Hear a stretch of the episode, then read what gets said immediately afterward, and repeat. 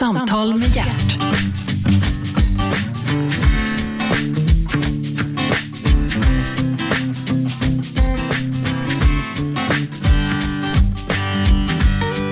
Välkomna till Radio 1. God morgon. Pratradiokanalen nummer ett. Ni ska vara hjärtligt välkomna. Programmet heter Äntligen. Jag heter Gert Fylking och äntligen är Pye Jakobsson här. Välkommen. Tack. Sex, debattör, sågad med fotknölarna i Sverige, föreläsare utomlands. Vad tycker man utomlands om Sverige? Eh, ja, för det första så brukar man fråga om det är ett väldigt katolskt land. För det, först har de ju den här idén att det ska vara väldigt fritt och sexy, härligt för alla.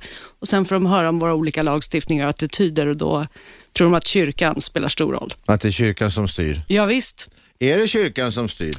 Nej, det är det väl inte. För det är väl lite att vi har normaliserat radikalfeminismen till viss del eh, som styr och sen så, vet inte, Luther sitter väl fortfarande där uppe på något torn och flaxar. Jag tror att han sitter på mångas axlar och pickar. Eller hur? Du, eh, deltidsstrippa står i ditt CV. Eh, du ska inte tro på allt som står på Wikipedia då. Det var några, några år sedan, men ja, det höll jag på med i många år. Okej, har du sålt sex också? Eh, det har väl nästan alla gjort. Strindberg sa i sina dystra stunder, i en av sina dystrare kanske, alla kvinnor är och horor. Värst är de som man är gift med, än är de får man betala hela livet. Ja, ja du ser. Men bortsett ifrån det, Eh, jag har gjort mycket inom sexindustrin, inte sålt sex direkt sådär. nej, okej, fitta ska vara gratis. Fast det är det väl aldrig i alla fall. Du, eh, okej. Ditt, eh, du är född 1968. Eh, Det var en våg som sköljde över västvärlden eh, av eh, ja, politiskt och eh, intellektuellt och eh, ja, på alla sätt en, en, ska vi säga, en stor omvälvning. Eh, Den så kallade rödvinsvänstern fick ett ordentligt fäste här i landet eh, och du är en produkt utav detta är när du är född just 1968. Du är bokstavligen gjord under det här. Ja, och- väldigt mycket en produkt i övrigt också eftersom mina föräldrar var väldigt aktiva inom rödvinsvänstern och jag stoppades glatt in i Vänsterpartiet, eller Vänsterpartiet kommunisterna då på den tiden. Ja. Deras barnorganisation Pionjärerna, eh, när jag var sju Mhm. och var på min första politiska kongress 78 i Göteborg. Okej. Så att, ja, nej, och det var ju ett int- intressant klimat att växa upp i. Så Liksom. att det där, det, det där med socialismen, det fick du i dig vid köksbordet? Ja, från första start. Vi pratade politik sedan jag var tre. Okej. Eh, har det gagnat dig eller har det skadat dig? Eh, alltså, jag vill ju egentligen säga bara gagnat, men å andra sidan så har jag ju lärt mig att jag får säga vad jag tycker och ibland kanske jag borde hålla käften. Så att jag har gagnat mig i det stora, men kanske skadat mig i det lilla. Okej. Ja, men typ eh, att ha obekväma åsikter kanske inte alltid ses med jättevida ögon av alla släktingar och anhöriga och vänner och sådär. Nej, men att ha radikala åsikter, det får man väl ha så länge de radikala åsikterna är rätt. ja, precis. Och mina är ju fel. Jävla missflyt. jag vet, det är så jävla dumt. Annars hade jag kanske varit folkvald politiker. Nu är jag bara en obekväm fan. Men, men det här, kanske hade du varit folkvald politiker. Är det någonting som du skulle vilja vara, handen på hjärtat, politiker? Nej. Det... Men, men du sprider ju politiska budskap trots allt.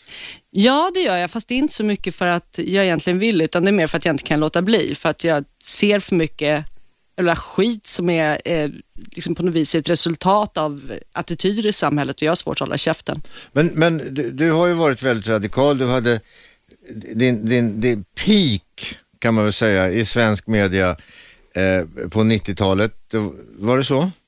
Eller se- eh, t- 2000? Alltså peak, jag, på den tiden så var jag ung och lite oförståndig och tackade ja till allt för jag trodde att det kunde göra en skillnad. Sen så betalade jag ett rätt högt pris för det, så sen dess har jag varit lite försiktigare. Hur betalade du? Vi- Vilket var priset menar du? Eh, jag har inte pratat med min mamma på tio år, det är väl ett... Därför att hon tycker att du är förskräcklig eller? Eh, det var nog okej att jag var förskräcklig så länge inte grannarna visste. Om vi säger så. Ja, där har vi det där dubbelmoralen. Mm. Du Ja. fick göra vad du, vad du själv ville så länge ingen annan visste vad du gjorde. Ja, det är lite min, min mormor som funderar ibland över den här snurriga relationen, säger att men jag förstår inte, hon uppfostrade dig ju till att säga vad du tycker och så blir hon arg när du gör det. Ja. Ja, och det är lite så. Och eh, då någonstans får man ju göra vissa val. Liksom. Ska man eh, hålla käften och vara tyst och liksom bara för att ha frid runt omkring sig eller ska man liksom stå på sig och prata om, liksom säga det man tror på? Och det gjorde du. Ja, Och fick skit för det. ja. Men, men eh, det är väl så med alla människor som är, är radikala och då menar jag att det finns ju en liten chic radikalism. Den här, Jag tror inte jag tillhör en chica-radikalism. Nej, men det är det jag menar. Att, och och den, den, eh, den, den tycker man ju, den är glad och trevlig och den är lite söt och gullig och, och den, den är bra på, på sätt och vis och den piggar upp eh, i sällskapslivet. Ja, visst. Men det där när man är radikal och liksom börjar hugga en rågång ute ut i naturen eh, och, och plöja fram ganska hårt som du har gjort. Då har man inte många vänner kvar kanske. Alltså jag skulle vilja säga att jag är, jag är förvånad över hur mycket folk runt omkring mig som stöttar mig liksom, i, det, i, det jag gör och det jag har gjort. Men någonstans är det så här att eh, på ytan kan det verka som att man bara är så här sexradikal och släpp allting fritt, men det är inte det det handlar om bara, utan jag ser ju människor som har farit jävligt illa i det svenska systemet och det gör mig vansinnig. Att man liksom, Men du, du, du, du tycker, eller du tycker, det så ska jag inte säga, men uppfattningen kring dig är att droger ska vara fritt och, och prostitution ska vara tillåten. nu har du ju återigen läst för mycket på Wikipedia. Ja, men jag säger att det var åsikten om dig. Ja, ja, ja. Jag säger inte att så, så är fallet. Jag säger att åsikten, eller, eller det man tror om dig är det. Eh, det, det jag tycker, alltså det, mycket av det arbete jag har gjort handlar om skadereduktion. Det vill säga, jag ger sprutor till narkomaner för att vi har nästan 90% hepatit C bland injicerande missbrukare i Stockholm.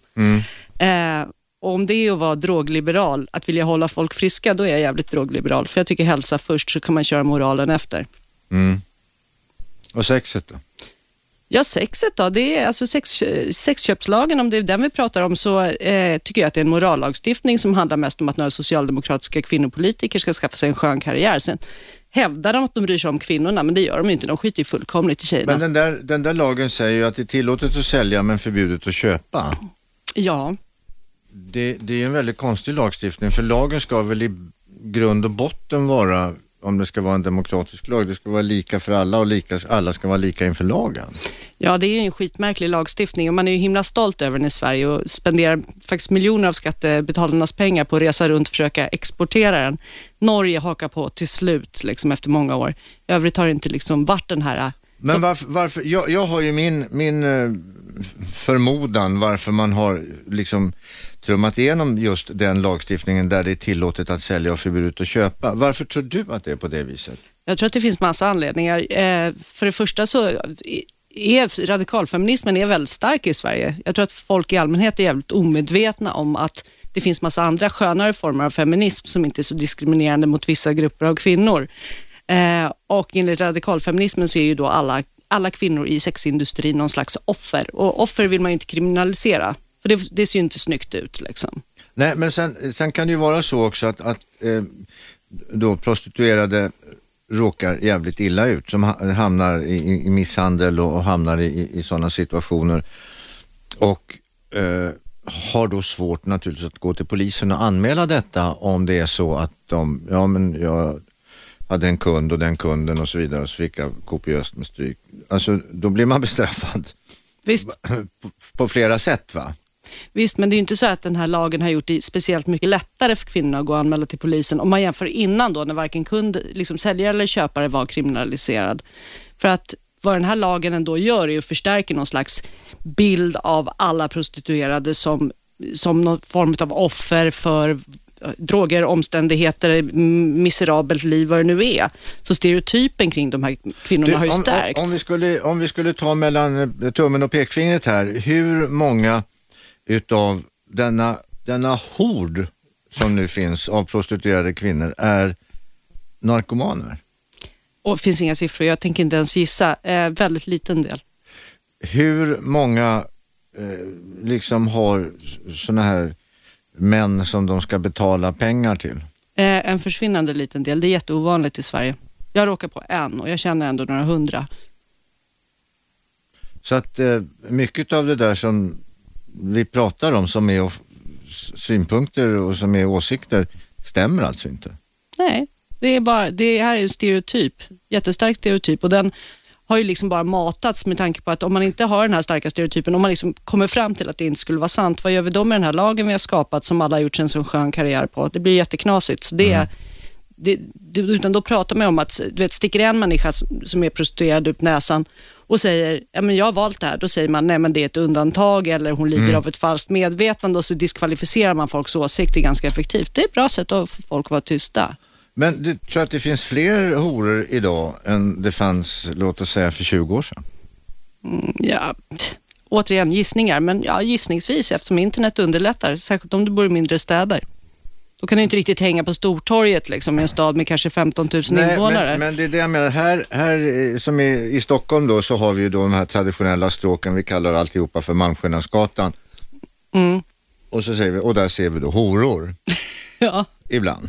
Och många av de här eh, kanske just är narkomaner. De vi ser, gatuprostitutionen. Eh, ja, kanske, men eh, alltså, om man går tillbaka till glada 80-talet när det fanns ganska mycket tjejer på gatan så sa ju även polisen att det var en ganska liten procent just i Stockholm som var narkomaner. Vanligare i Malmö. Jag pratar med Py Jakobsson, eh, internationellt känd sexdebattör, feminist, en gång i tiden strippa, har gjort allt inom sexindustrin men inte tagit betalt. vi ska prata vidare och vi ska dessutom så ska vi ställa oss frågan varför är det så många eh, horor idag som är mellan liksom 45 och 55 år gamla. Vi är strax tillbaka. Stanna kvar.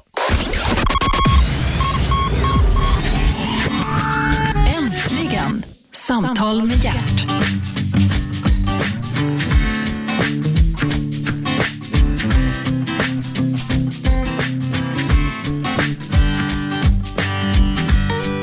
Hjärtligt välkomna tillbaka. Det här är Radio 1. Du lyssnar på programmet Äntligen. Äntligen är Pye Jakobsson här. Gert Fylking heter jag. Pye är debattör. Internationellt välkänd debattör när det gäller sex, sexualitet, kvinnor, prostitution, narkomaner, narkomani. Vilken lista. Du, ja men du har ju mycket. Du är ute på torget och säljer jävligt mycket.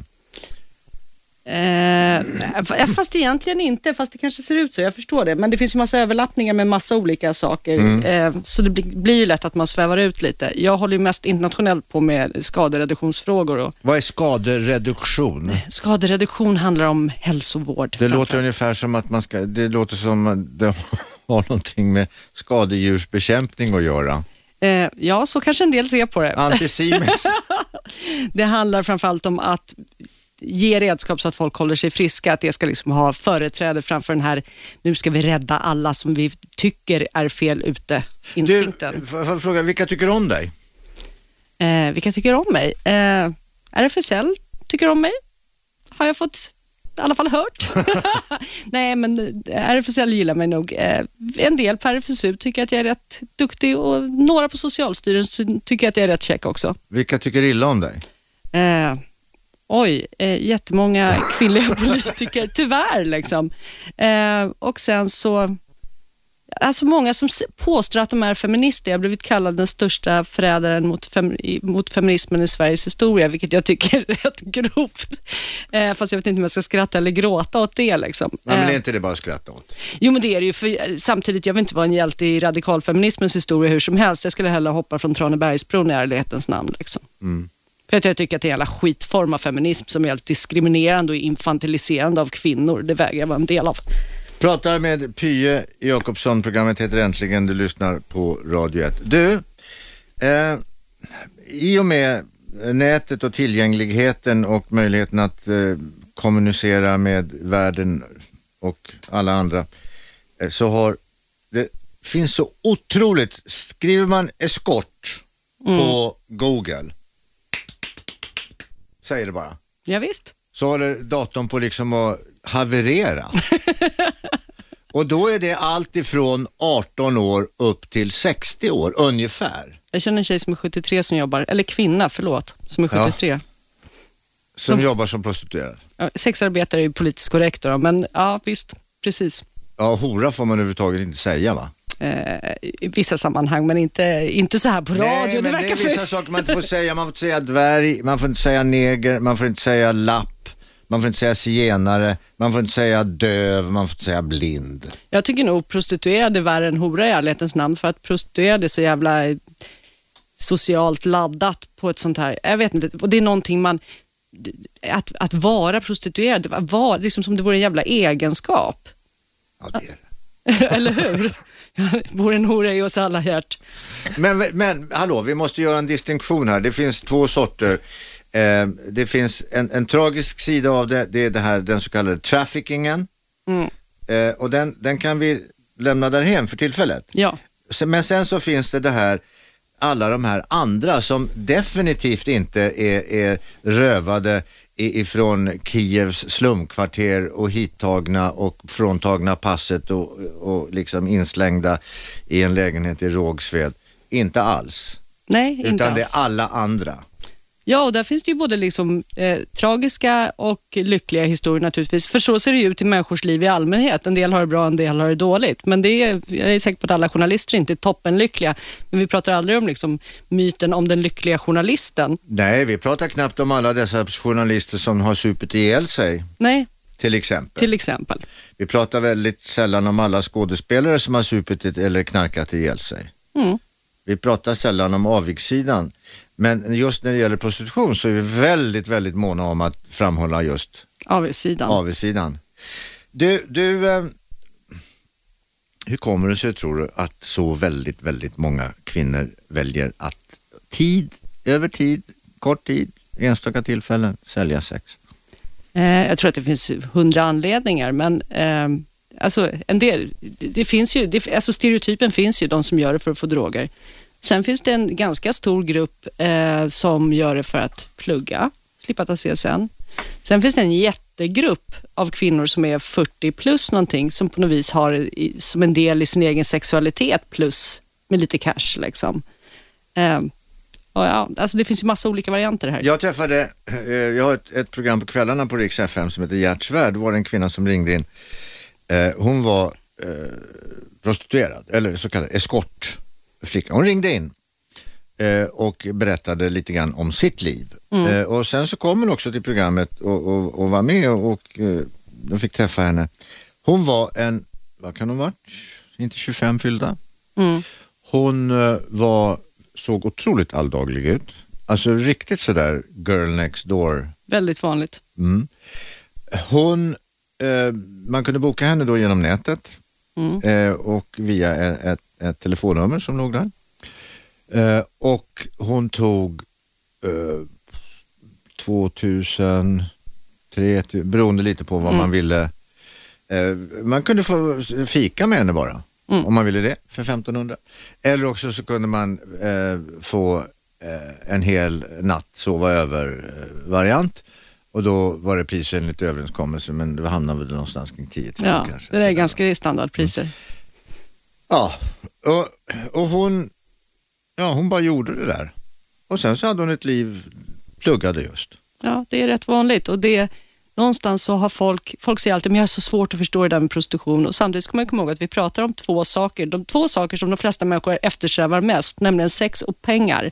Men så fort det är en kombination så förstår vi plötsligt inte sex och pengar, då blir det jävligt luddigt och konstigt. Och samtidigt så är det så att jag vill se en människa som lever i en parrelation som inte någon gång haft sex för det här som jag brukar kalla för pliktknull. Ja, men för husfridens skull så har man lite sex. Och vad är det? Alltså, vi byter ju sex mot saker hela jävla tiden.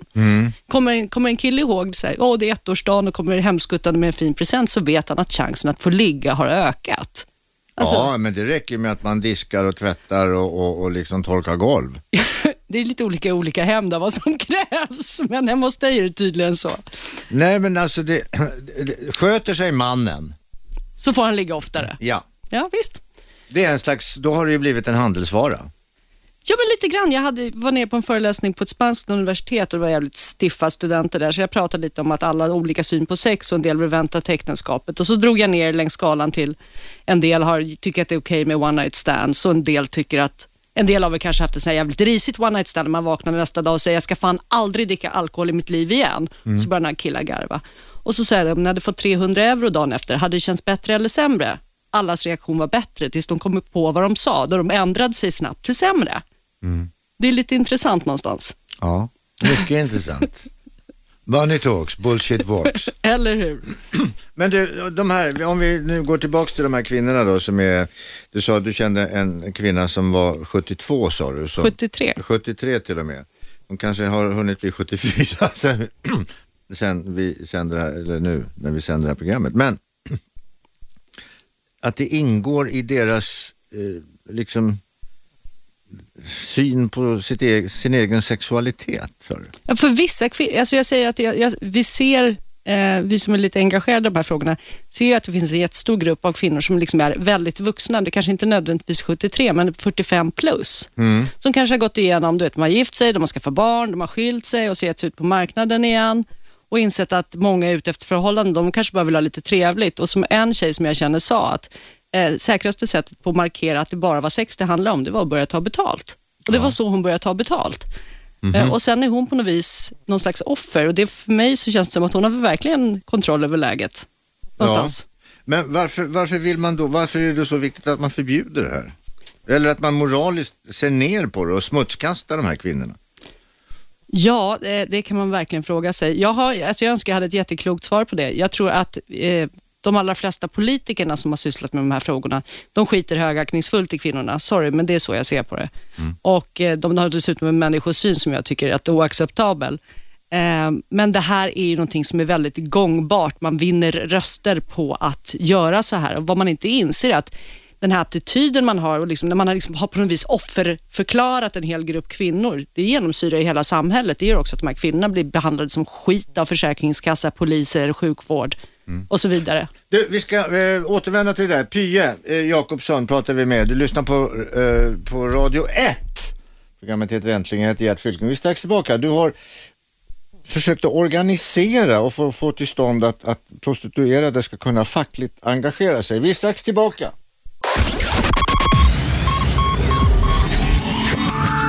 Äntligen! Samtal med hjärt.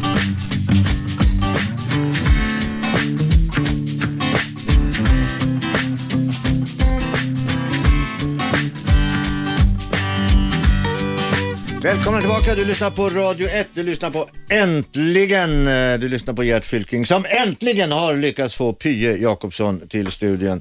Eh, välkommen igen Pye. Tack. Du, eh, det där är ju konstigt. Många, vi har otroligt många prostituerade.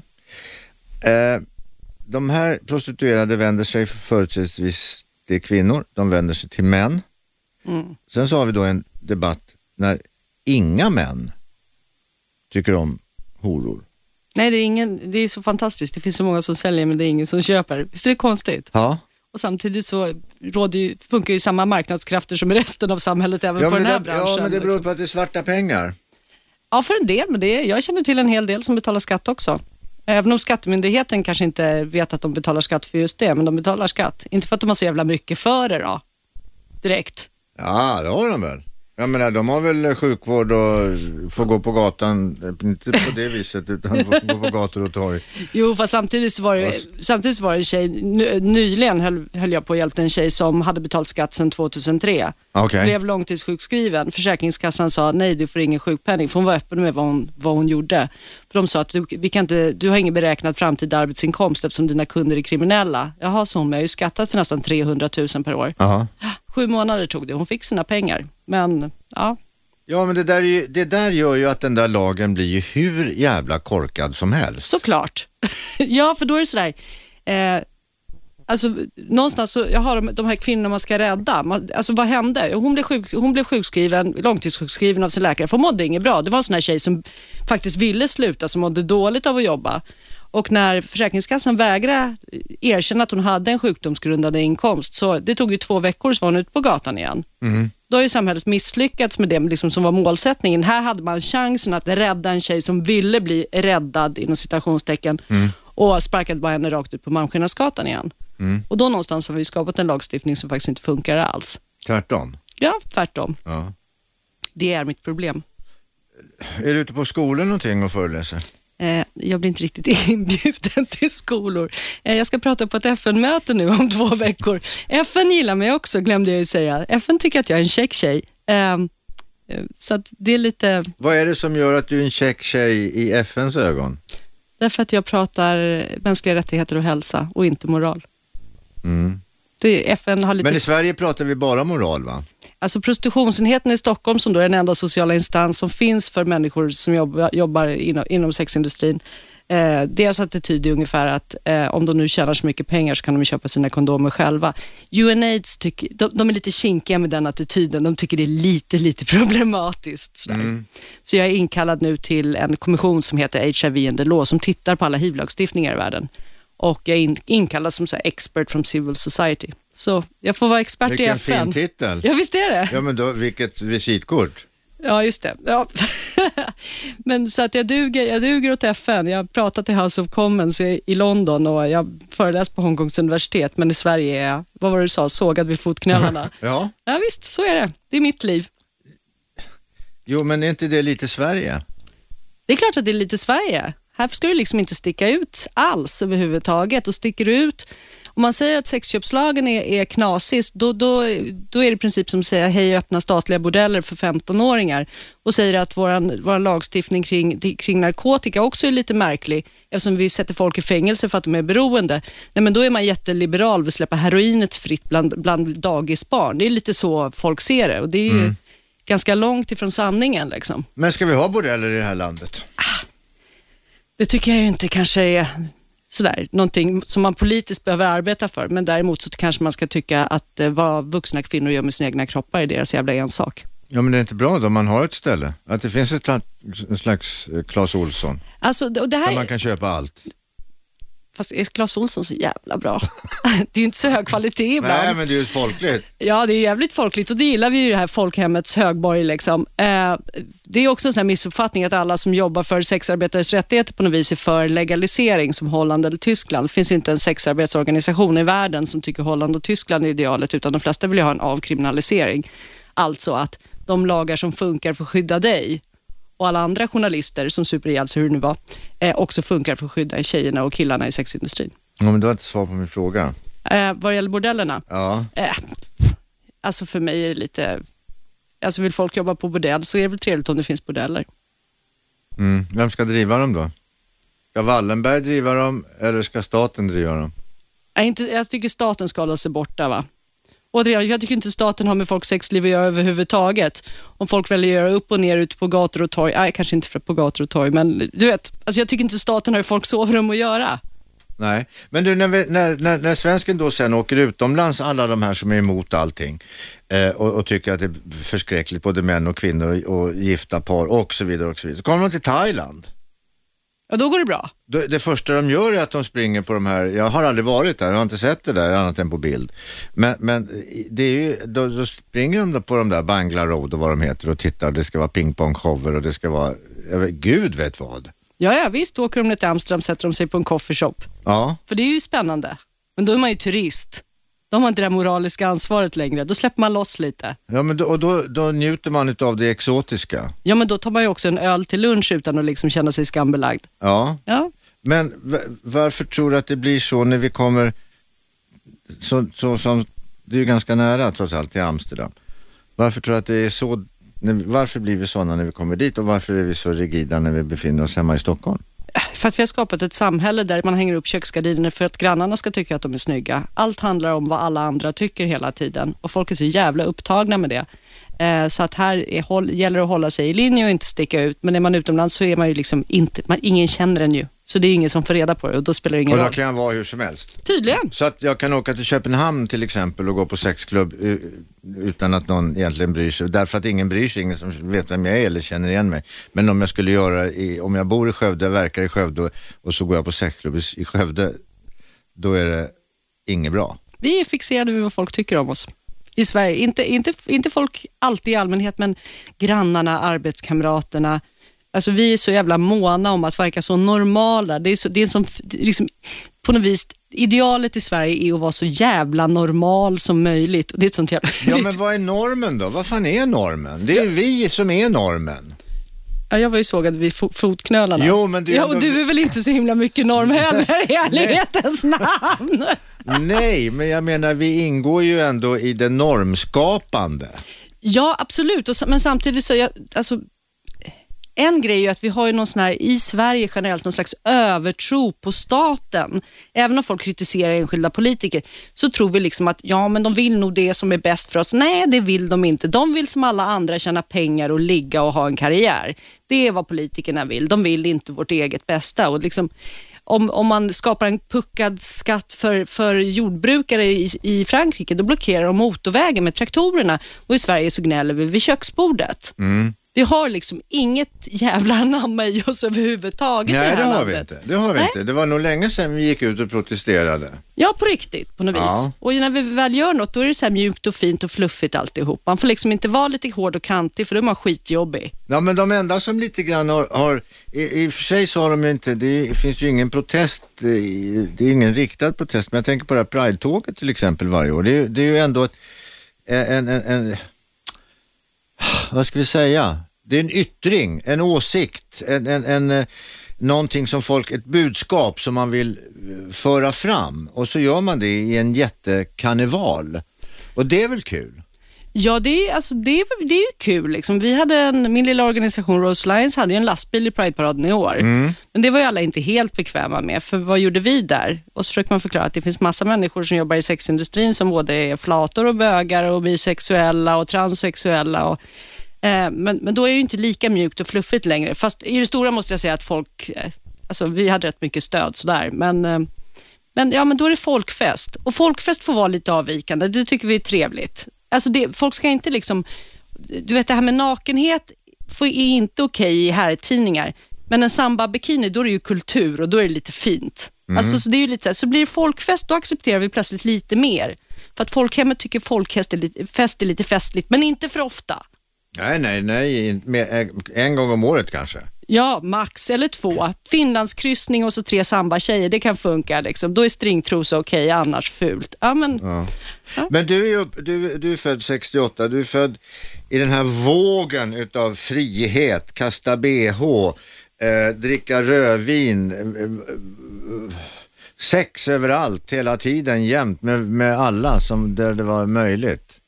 Jag var lite för ung för att uppleva just, just de där delarna av det då, men Ja, men generationen, din, din föräldrageneration, absolut. det var ju så då. Det var ju så och sen så har ju väldigt många av de som var en del av det idag, liksom, så sitter de på en, en fet bostadsrätt i Birkastan och har ett skönt jobb med hög lön och har glömt bort alla sina gamla värderingar. Jag, har, jag är lycklig nog att ha en far som är precis likadan fortfarande, som också dessutom är min bästa vän och en ivrig anhängare av allt jag gör. Och Ja. det, och det är en jävla ynnest att ha en sån ha Men en det, sån till skillnad emot din mamma. Ja, som, alltså, jag förstår att jag inte kanske är den enklaste dottern i hela världen att ha, men eh, någonstans så, jag, jag är så jävla naiv, så jag tycker att folk som kallar sig för min familj ska älska mig och respektera mig vad jag än gör. Ja, det tycker jag också. Ja. Men, men bara som att svara på din fråga, vet du hur jobbigt det är att stå på barrikaderna? Man blir ju trött till slut. Ja, alltså jag, alltså jag Eller? Ja, skittrött och jag har så jävla många dagar när jag önskar att jag bara kunde backa och ha ett vanligt liv och sitta och hålla handen med min pojkvän och titta på vad folk nu tittar på på TV. Men, eh, men jag har tydligen inte Men du, det här, det, här, det här som du håller på med, det, det är på, på ett sätt så, det är ju inget pionjärarbete, det vill jag verkligen inte påstå att det är. Absolut inte. Men du är ändå idogt arbetande med det här projektet och det, va, va, hur ser du framtiden? Eh, ja, under en period så trodde jag att jag skulle behöva skaffa mig någon fin akademisk titel för att kanske kunna börja ta betalt för de kunskaper jag faktiskt har. Nu har det visat sig att utomlands är man beredd att betala för mina kunskaper hur som helst. Så jag delvis så har jag gjort en karriär på det också. Då. Det ska man liksom inte hymla med. Nu tjänar man ju inga miljoner på det, men i alla fall, jag kan betala en hyra. Ja, men det är väl bra. Ja, det är väl fint. Men, Eh, ja, men. Så, så framtiden, har jag hopp om att Sverige ska ändras? Inte speciellt mycket, men då får jag kanske ägna mig åt att se till att skiten inte sprider sig. Ursäkta, men det är Mm. ju så jag känner. Ska vi försöka slå en ring runt Sverige menar du? Ja, men lite så. Nej, men Är kanske... svenska eh, åsikter och svensk moral så jävla uppåt väggarna? Eh, vad, det gäller, vad det gäller just de här frågorna så är det väldigt uppåt väggarna. Eh, dessutom så har man i Sverige någon slags övertro på att så fort man skapar någonting, nå- politisk lagstiftning till exempel, som inget annat land har gjort, då är det för att de andra är puckade och Sverige är så bra. Det, det liksom ifrågasätts aldrig att det kan ju vara så att ingen har skapat en sån här lagstiftning bara för att den egentligen är usel. Utan då tror man att nu är vi så himla fina och nyskapande så nu ska vi minsann ut och frälsa världen med vår syn på, på prostitution. Liksom. Prata med Pye Jakobsson. Eh, du lyssnar på Radio 1. Programmet heter Äntligen. Och äntligen är Pye Jakobsson här. Eh, vi ska runda av här om ett litet ögonblick. Så stanna kvar vid radion. Vi ska nämligen eh, ställa oss frågan hur mycket ska man behöva betala för ett knulla egentligen? Äntligen! Samtal med hjärt.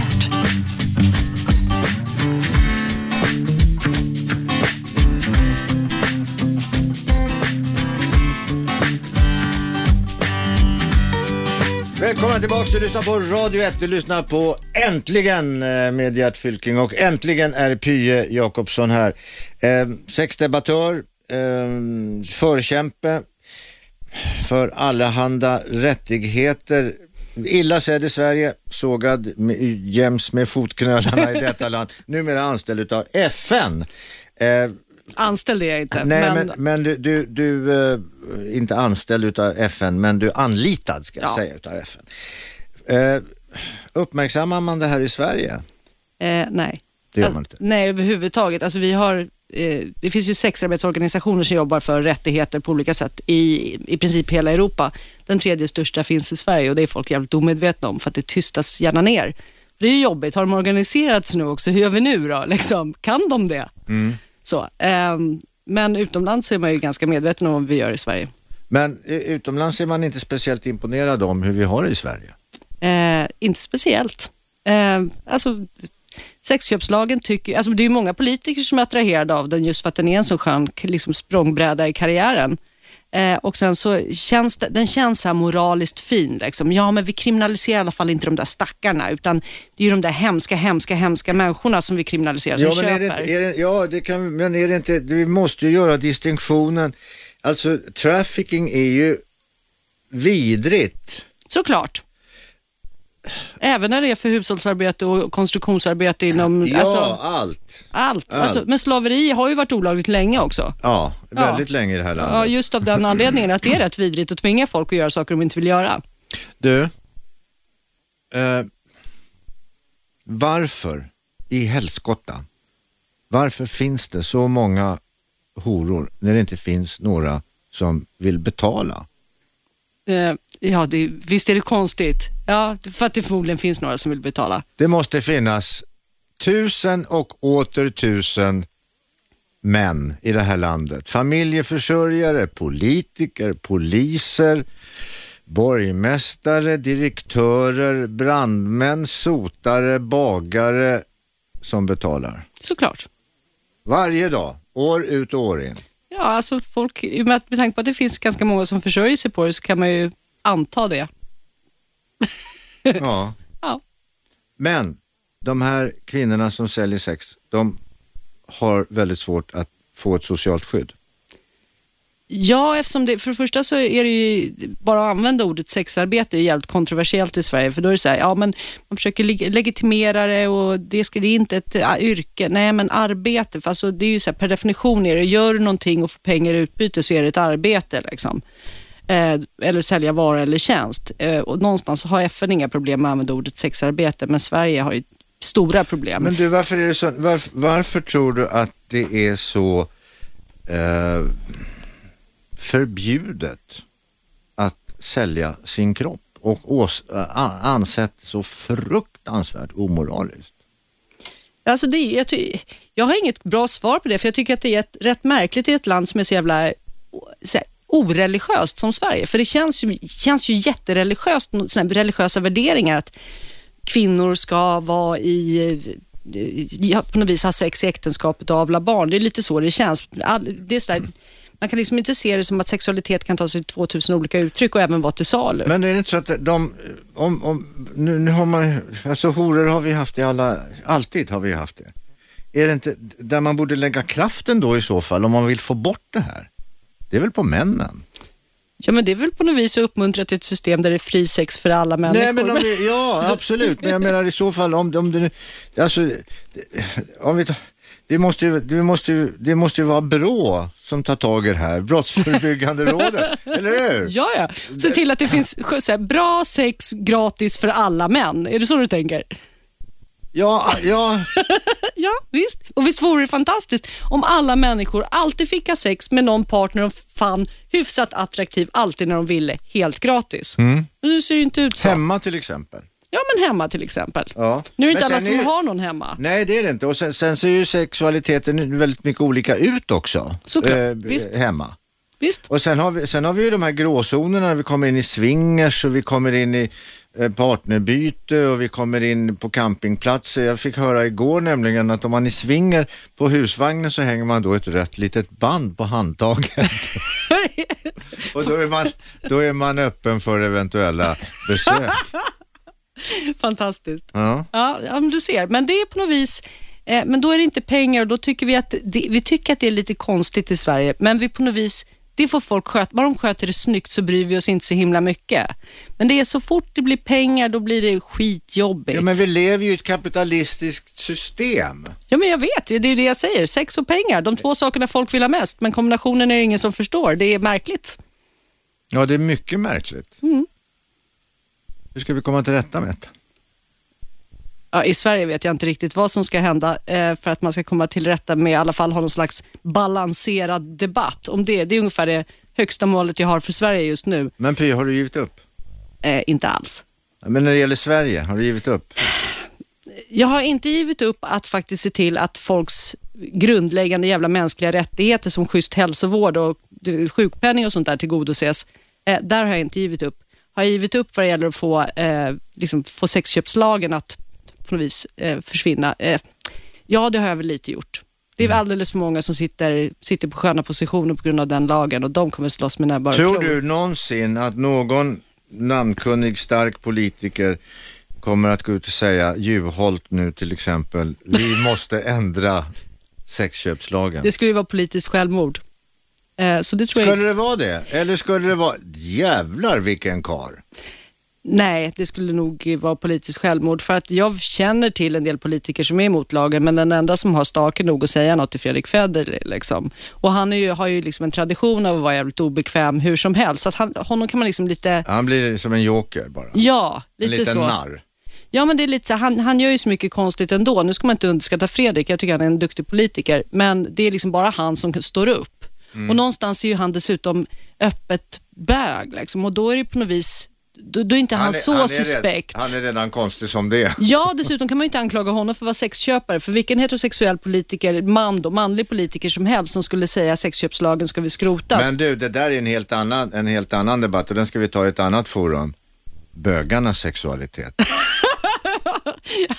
Pia Jakobsson, tack så mycket för att du kom till Radio 1 och förgyllde denna morgon. Du har lyssnat på Äntligen, Gert Fylking heter jag. 101,9 Radio 1. Sveriges nya pratradio.